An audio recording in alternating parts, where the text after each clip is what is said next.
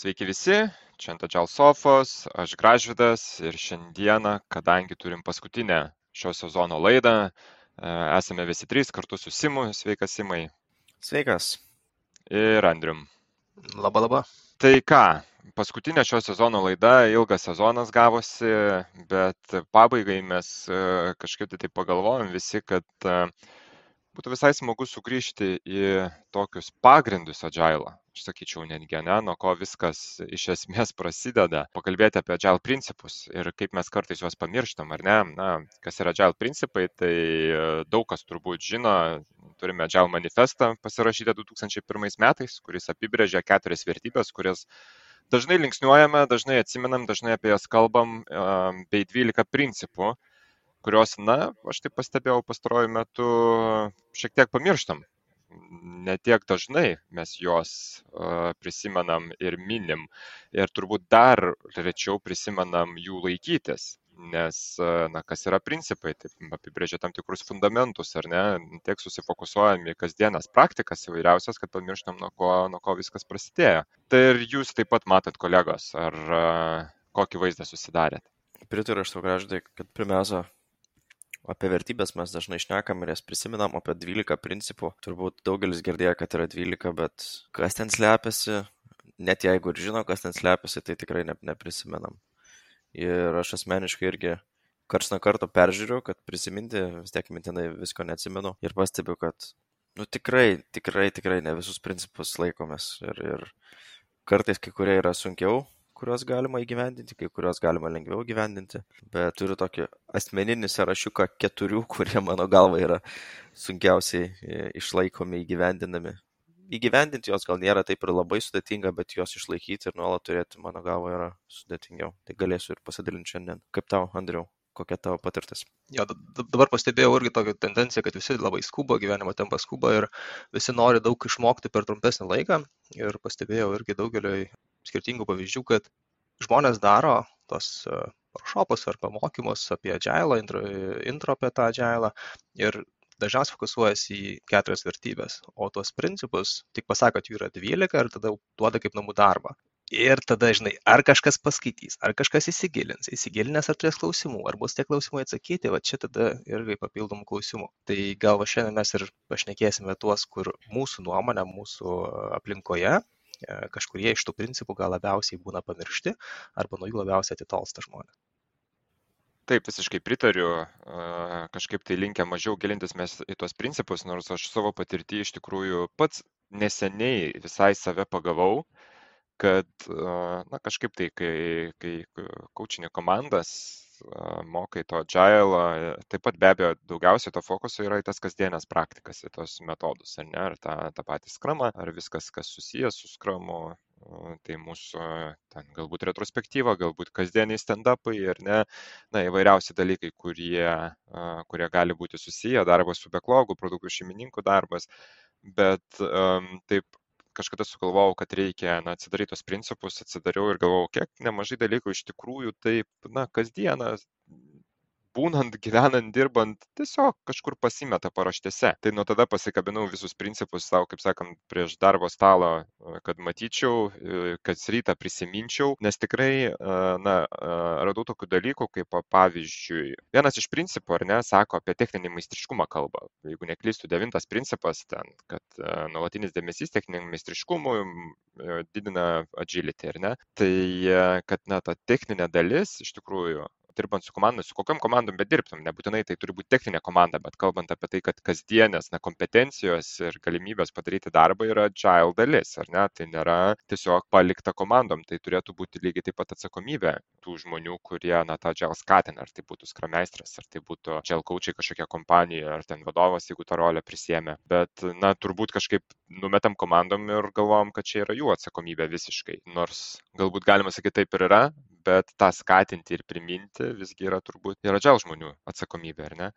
Dažnu atveju po šituo e, principu e, eina ir daugiau tų smulkių arba dalykų, kuriuos gal taip tiesiog nesusimastam, tarkim, tų vėlgi sistemų ar kuriamų dalykų priežiūra, ar mes mokam prižiūrėti, ar mes norim, mokam atsakyti į tuos klausimus, kurie iškyla jau priežiūros metu, ar mes fokusuojamės į tuos dalykus, kurie vėlgi vėliau mums padėtų ir kurti, ir lengviau visą tą priežiūrą daryti. Tai čia vienas iš tų dalykų, kur tikrai ir pastebiu dažnai komandose, kas dažnu atveju nueina į kažkokį tai antrą arba net trečią planą iš savo irgi patirties noriu pridurti dėl šito principo, nes man jis pasirodė irgi vienas iš tokių svarbesnių, bet dažnai apleidžiamų. Mano galva dėl to techninio meistriškumo, nuolatinio dėmesio jam. Turbūt didžioji dalis komandų žino ir suvokia ir ir lyderiai vadovai žino ir suvokia kad reikia tą daryti. Bet ką aš pastebiu pats kad e, dažnu atveju verslo prioritetai laimi prieš vat tą techninį meistriškumą. Ir kai mes kalbam apie techninį meistriškumą kokia kokybė ir kaip mes kuriame produktus kartais būna tokios situacijos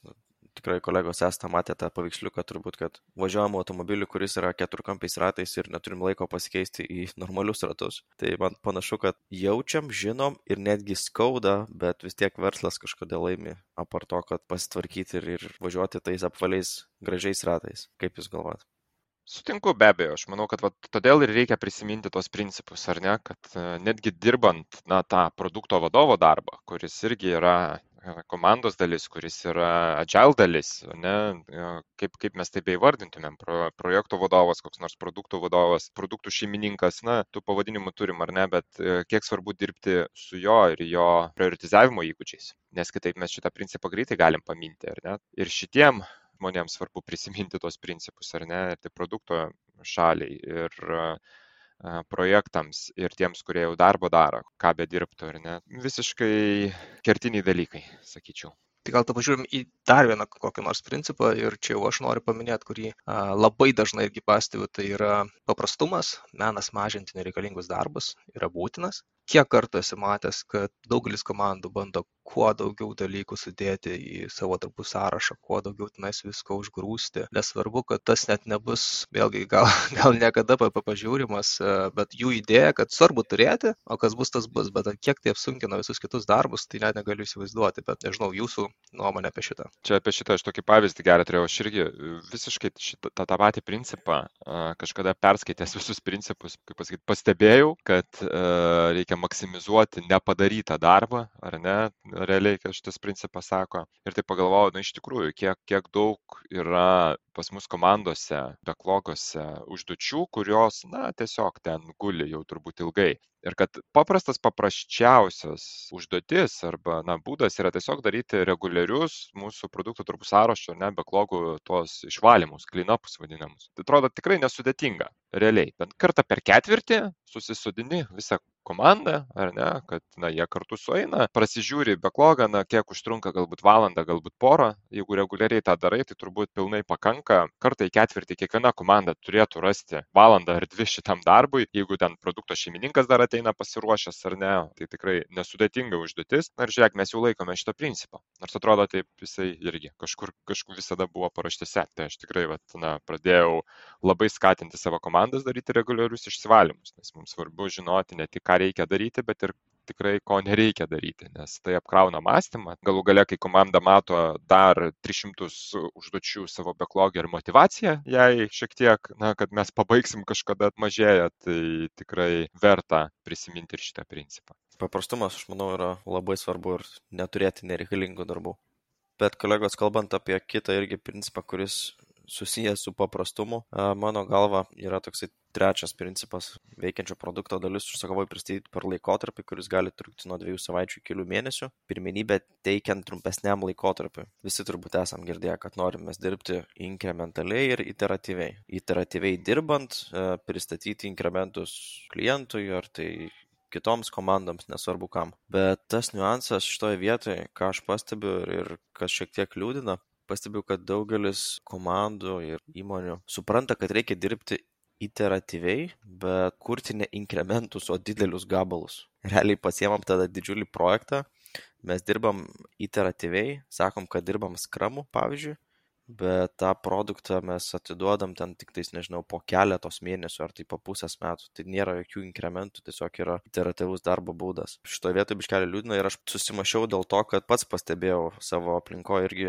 ir, ir bandžiau suprasti, kur yra problemos, kodėl mes suprantam per vėlai, kad kažkur yra klaida arba kažkur yra priklausomybė nuo kitų komandų. Ir tada pradėjau gilintis ir žiūriu, kad, okei, okay, mes dirbam iteratyviai, taip, mes kiekvieną kartą perplanuojam, pasižiūrim, ką norim padaryti, bet rezultatas galutinis būna tik tais po, po ilgo laiko. Ką, ką Jūs manot? Bendrai aš labai sutinku, aš irgi čia kaip buvau pasižymėjęs kaip vieną iš principų, kuris kažkodėl neveikia. Tai čia galima klausti, ar jis gal, gal neaktualus daugiau, kaip tai yra. Kai mes paprasčiausiai iš tikrųjų atrodo dirbam iteracijom bet pamirštam tą inkrementalumą. Kažkaip tai perskaičiau dar sykį atsiminiau šitą principą. Mačiau kad iš tikrųjų na komandos su kuriom aš dirbu tikrai ne ne po kiekvieno sprinto ar ne ne po kiekvienos iteracijos turi kažkokį tai aiškų inkrementą kažkokį tai prieaugį kažką tai na baigto ar ne? Ir irgi pradėjau tiesiog šitą dalyką analizuoti ir spausti ir domėtis. Ir na bent jau man pirminiai žingsniai kurie sukrito tai yra pats paprasčiausias vėlgi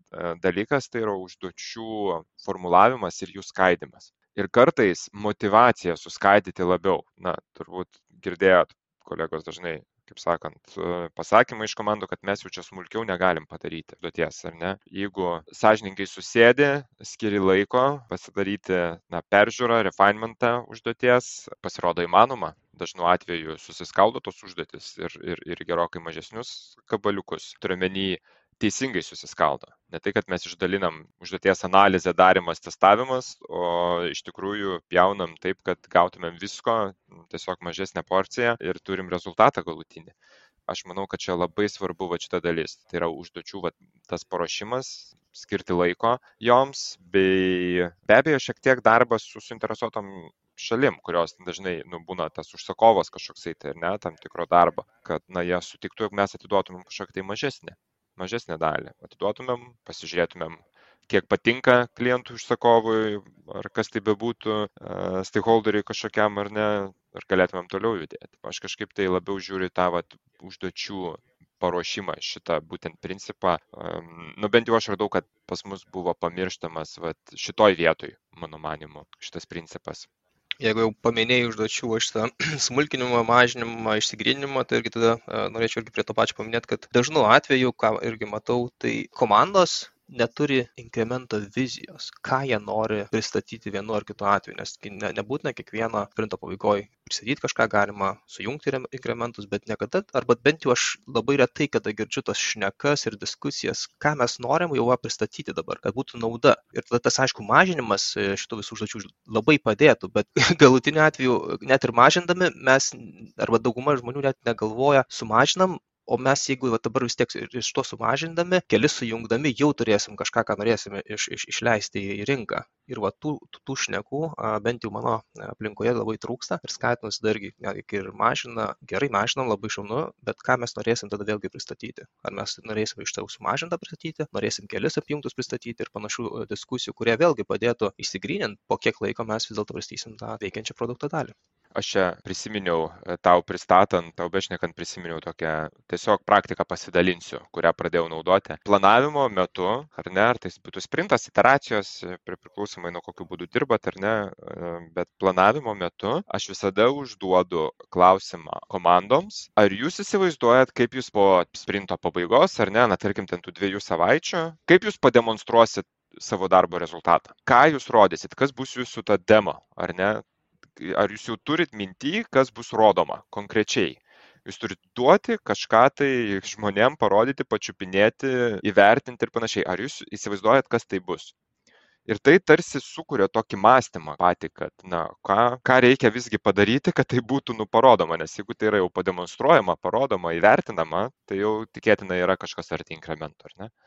lygiai taip pat aš pridėčiau į tą pačią temą kad dažnai mes galvojam vien tiktais tada apie klientą ir kaip jam atiduoti tą inkrementą bet šitoj vietoj galim pasižiūrėti kad aplamai agile skatina turėti dažnus grįžtamuosius ryšius. Ir iš tos pusės tada žiūrėti okei jeigu mes nebūtinai tada atiduodam ir klientui kažką parodom ar pademonstruojam tai kokį mes kitą galim turėti grįžtamąjį ryšį? Koks yra tas trumpesnis feedback lūpas kurį mes galime gauti. Ir tai gali būti kaip pavyzdys netgi priklausomybių išgryninimas su kitom komandom arba supratimas, ar mes norim toliau tęsti su šito sprendimu, arba kažkokios labai mažos verslo vertės pamatavimą. Tai galėtų būti irgi netgi maži inkrementai ir paskatinti mąstyti į mažesniais gabaliukais, o ne didesniais gabalais. Bet šitas tikrai, kolegos, nežinau kaip jūs galvojat, bet mano nuomonė, vienas iš tokių sudėtingiausiai įgyvendinamų ir kažkodėl vis tiek stringam net ir įgyvendinę, paskui kažkodėl vėl grįžtam prie įpročių senų dideliais gabalais jo, aš pritarčiau vadinti iš tos pusės, kad mano nuomonė šitas labai apima daug skirtingų dalykų. Tai yra bendradarbiavimas komandos viduje, bendradarbiavimas su užsakovais ir stakeholderiais ir visais kitais uh, suinteresuotam pusėm, uh, darbas su, vėlgi, su savo darbų sąrašu. Čia labai daug tų smulkių dalykų, kurios įeina, kad vis dėlto šitas principas būtų gyvendintas ir būtų vėlgi toks akcentuotas, kad jis, kad jis mums veikia. Na, nu, čia tokia mano asmeninė nuomonė. Labai panašu, kaip pasakyti, ir pats pirmas principas sako, ne, kad mūsų aukščiausias prioritetas - patenkinti klientų lūkesčius, nuolat jiem pristatant veikiantį kažkokį tai produktą, ar ne. Aš čia dar vieną tokį prisiminiau dalyką, kuris, man atrodo, irgi veda prie to, kad na, tas nuolatinis pristatymas, anksti pristatyti kuriančią vertę kažkokią paslaugą ar a, produktą, tas pats, a, kuo trumpesnis laikotarpis, trečias principas, dažnas to neįgyvendinimo arba nesilaikymo šito principo kirtis, e, nežinau, ar sutiksit, bet yra prioritetų nebuvimas. Paprasčiausiai mes užkraunam komandom jums reikia, nežinau, daryti ir jie čiut ne vienu metu dirba, nežinau, ties keliais skirtingais ten produktais, projektais ar ką tu be pavadinsi, arba bent jau ten subproduktais ar kažkokiais dalykais, ką jie ten bando pataisyti, vietoj to, kad, na, susifokusuotumėm ir padarytumėm vieną kažkokį tai iki galo, kitą galbūt iteraciją kitą kažką iki galo, ar ne, tai tarsi, kai nesukuriamas prioritetas aiškus komandai, tai natūralu, kad jinai išsiblaško, išdalina savo darbą per skirtingus ten tuos subprojektus ar kas tai bebūtų nu ir rezultate tada sunku viską sudėjus į vieną krūvą turėti tą veikiantį inkrementą arba tą vertę kuriantį produktą kažkokį tai, ar ne, jeigu mes išsiblaškom labai. Aš manau, kad čia dar yra tikrai esmė, kad mes pamirštam prioritetus, pamirštam, kad e, kartais reikia apkirsti aplinkui daug medžių, kad leisti užaukti vienam, iki galo ir tada fokusuoti žiūrėti, kaip auginti kitus. Tai tiesiog e, tas prioritetai visgi, man atrodo, irgi yra vienas iš tų dalykų, ką galima atsiminti skaitant tos pačius principus. Tikrai taip, posakis toks yra angliškai, e, turbūt buvot girdėję stop starting and start finishing. Man šitas labai irgi rezonuoja su tuo. Lygiai taip pat kaip e, nebūti užimtiems, bet geriau pabaigti anksčiau mažiau negu kad ilgiau daryti ir negauti tos vertės. Tai pritariu, kad prioritizavimas čia labai padėtų, bet, bet ne tik prioritizavimas ir pačios komandos na, mąstysena. Nepersniausiai turėjau keletą workshopų su skirtingom komandom panašia tema. Ir iš tikrųjų buvo gan sudėtinga įtikinti pačią komandą, kad vertingiau yra turėti mažiau darbų vienu metu progrese, negu kad ten daugiau darbų turėti progrese. Kaip pavyzdys iš Kambano praktikų, kurie susipažinę žino limituoti darbų skaičių progrese. Kai mes limituojam darbų skaičių progrese, mes galim susifokusuoti ir greičiau tada pasibaigti tuos darbus, kurie dabar yra progrese ir startuoti naujus, o neturėti daug vienu metu progrese ir visai komandai dirbti ties skirtingais darbais. Tikslas buvo parodyti komandai to vertę ir gan sunku buvo paaiškinti arba tiksliau primti komandai, kad tik kaip aš dabar tada turiu nieko nedaryti arba aš turiu kažkam padėti. Aš noriu pats kažką daryti ir būti nepriklausomas. Bet tada grįžtam turbūt į šakninius komandos principus, kas yra komanda ir, ir kodėl mums reikalinga komanda. Ar, ar mums reikia vienam kito, ar mes tiesiog grupė individų. Tai tokie dviejopi pamastymai. Norit pasakysiu paslapti, kodėl aš susidomėjau daugiau Agile, kalbant apie kitą principą. Dirbau kažkada tokia organizacija, kur be abejo turbūt irgi daugelis susidūrė su waterfall metodika ir ten nu, labai buvo uh, procesai tokie stabilus, vienas po kito. Ir aš pastebėjau tokią tendenciją, kad mes gaudom reikalavimus, ką reikia padaryti. Be abejo, ten kūrėm programinę įrangą. Ir ko pasiekoje būdavo taip, kad metus laiko dirbam, kūrėm tą programinę įrangą, visiškai negalim atsižvelgti į kliento poreikius. Jeigu kažkas pasikeitė per metus laiko šiais laikais tai gali labai daug kas pasikeist. Bet projektą, pavyzdžiui, reikia gyvendyti per metus laiko. Yra fiksuotos sutartys. Ir man labai nepatiko tas momentas, kad reikalavimai jau keičiasi ir jau yra kitokie, bet sutartis yra šita ir viskas yra taip slidu ir fiksuota. Ir tuo metu aš nelabai žinojau apie Agile ir kas tas Agile ir kaip jis veikia. Bet uh, paskui susipažinus daugiau su Agile, žiūriu, taigi čia yra taip elementaru, kad antras principas sako, besikeičiančius reikalavimus mes primame netgi vėlyvoje kūrimo stadijoje. Norim klientą patenkinti ir jam suteikti pranašumą. Turėjau tą pavyzdį su fiksuotom sutartim, nesikeičiančiais reikalavimais. Sudėtinga man pačiam asmeniškai buvo daryti tai, ko nereikia, nors žinau, kad reikia visai ko kito. Ir žiūriu, kad šitas principas dabartinėje mano aplinkoje ir su, su, su organizacijom, kuriam susiduriu, jisai veikia, viskas tvarkoj, bet ką aš pastebiu, kad žmonės prisimena, kaip anksčiau jie naudodavo šitą principą. Sako žmonės dažnu atveju, kad aš nenoriu daryti pokyčių, nes mes jau beveik sukūrėm produktą. Man daug kainuos ar panašiai.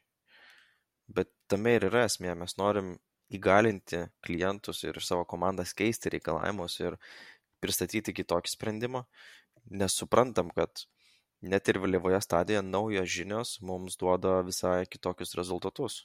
Tai čia buvo vienas iš tų kertinių momentų, tiesiog kodėl aš susidomėjau daugiau Agile, nes kai buvau šito, šitose limituotose situacijose, pats labai nesmagiai jaučiausi.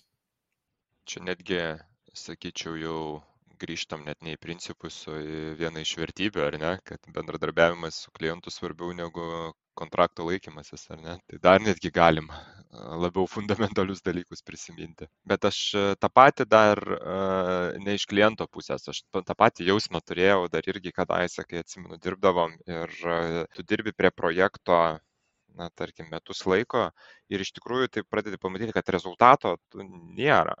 tai prasme, kad komanda atrodo sunkiai dirba, daug padaro, bet to rezultato kažkaip nėra ir tas demotivuoja ir, ir patį, ir komandą, ir, ir, ir visus aplinkui turbūt, ir stakeholderiai nepatenkinti tada ir taip toliau. Tai aš manau, kad čia viskas į tą patį susiveda, ar ne, kad per daug išsiblaškiam, per dideli darbai ir nepagalvom, kaip galim tiesiog daugiau inkrementaliai pasižiūrėti nuo ko pradėjom, ar ne? Mes šiandien sakėm, kad tiek susifokusuojam į eilinius metodus įvairius ar taisyklės, kurios, kurių reikia laikytis, kad pamirštum nu, tiesiog tos fundamentalius principus, kad kodėl, iš ko gimė tos taisyklės ir panašiai, ar ne? Nu, ir tie principai, tos vertybės atžalo ir buvo tai, iš ko viskas gimė. Na ir žinot, paprastas, paprasčiausias pavyzdys. Komanda, kuri labai, kaip sakant, pagal knygą nori daryti skramą, skrame pasakyta, kad stand-upas turi būti tas kasdienis skram, turi trukti 15 minučių ar ne. Komanda turi ką pašnekėti gal ir 20 minučių, nes galbūt šiek tiek didesnė komanda, galbūt sudėtingesnis projektas, na kaip pavyzdys, koksai labiau komplikuotas, daugiau reikia susitarimų, susiderinimų kasdieną tarp žmonių, bet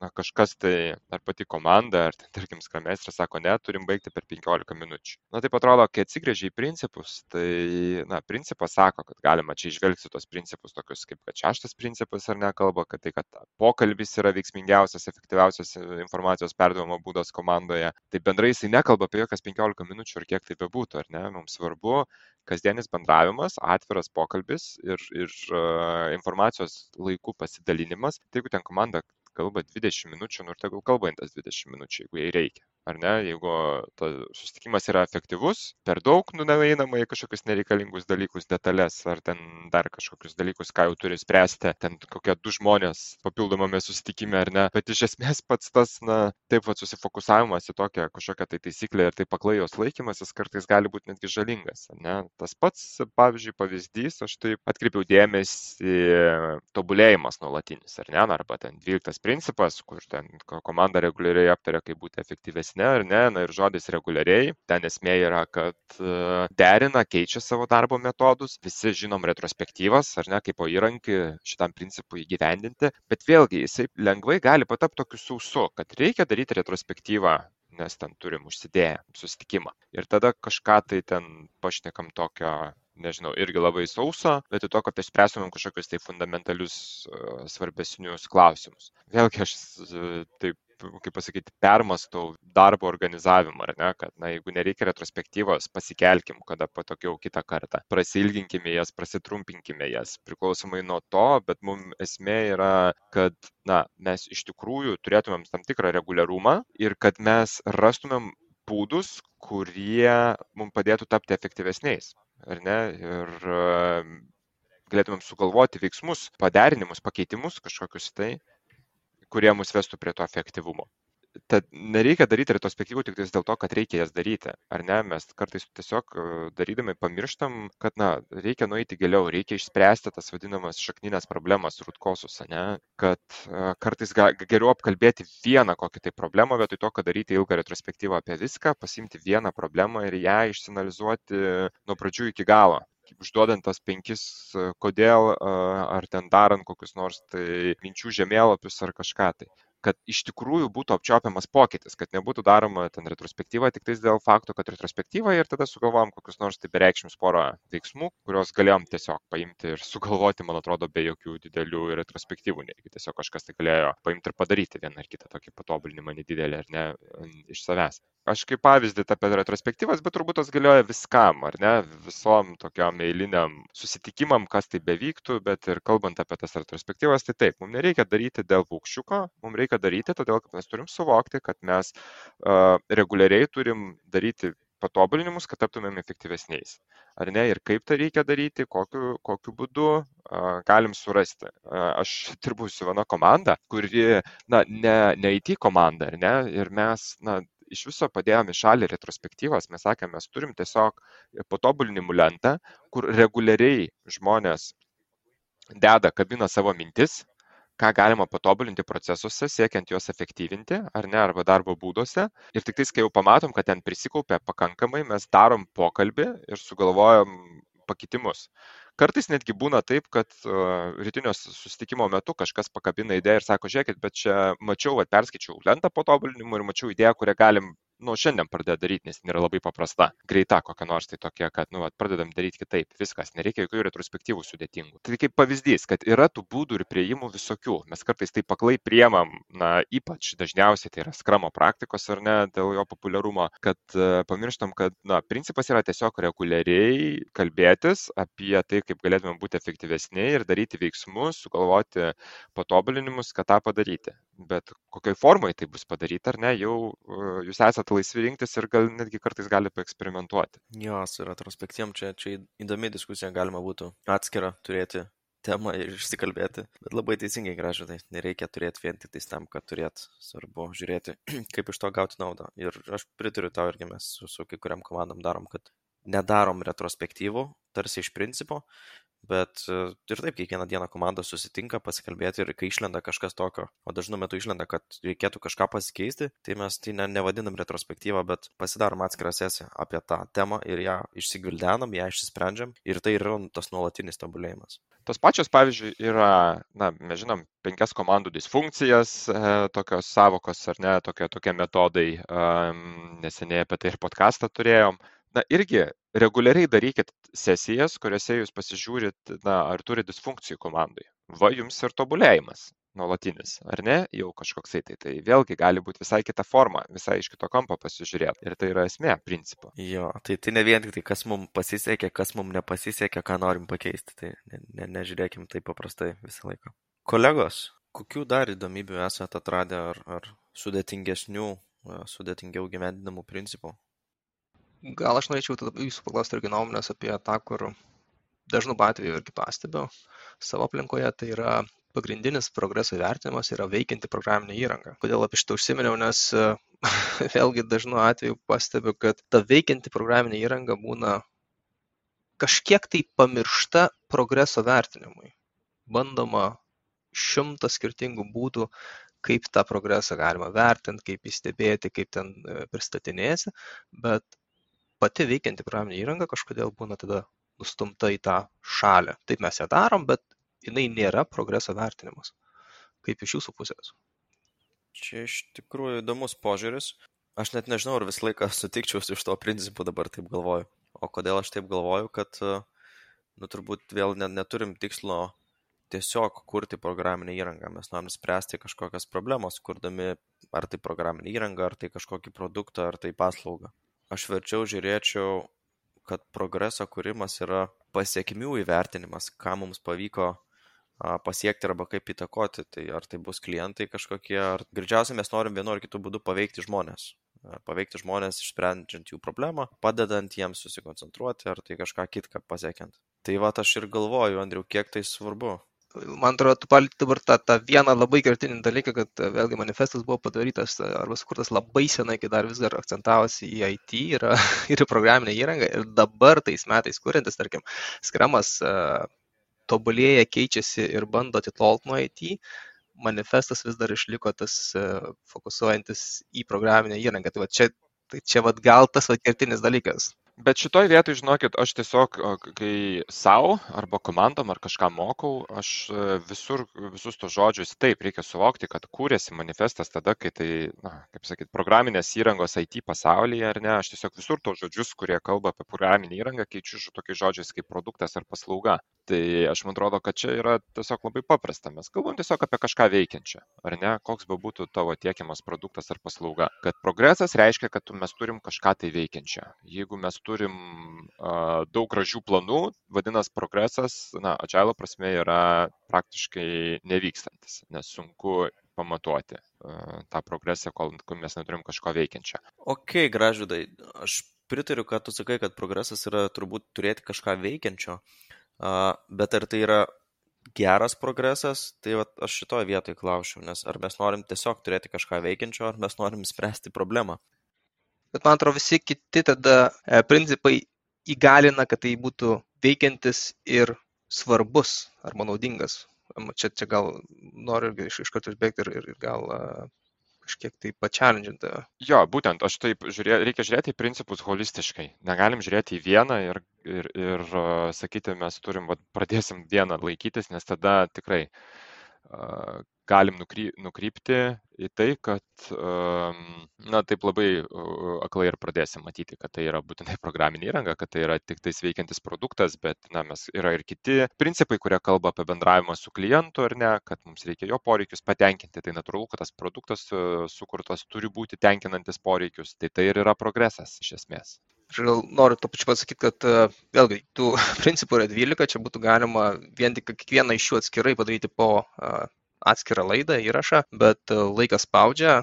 Šnekėjom apie tiek, kiek spėjom, nežinau, aš net pamiršau e, ant pirštų žiūrėti, kiek mes jų įvardinot, kiek įvardinom, kiek mes čia jų aptariam. Vėlgi, tikimės, kad jums buvo įdomu, kad pareflektavot kartu su mumis, kad pažiūrėjot e, iš savo pusės, gal pas jūs yra kiti principai, kuriuos labiausiai akcentuojatės ir matotės, kuriuos pamirštat, gal, gal panašus, vėlgi palikit komentaruose, tikrai bus įdomu ir jūsų nuomonę išgirsti, bet manau, kad šiandienai gal ir užteks mūsų tų principų aptarimo.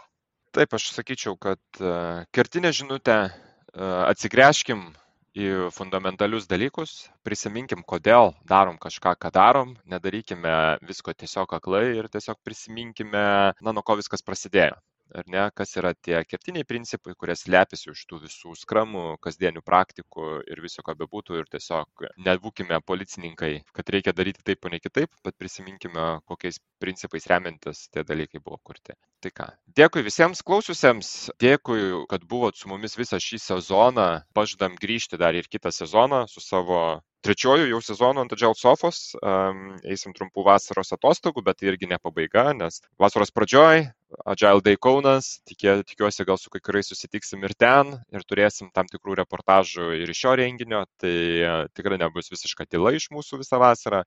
Tad uh, klausykite, būkite agile ir uh, susitiksim kitą sezoną, tikiuosi su dar daugiau geresnių ir įdomesnių laidų. Iki kitų kartų, kolegos, smagu pasikalbėti. Iki.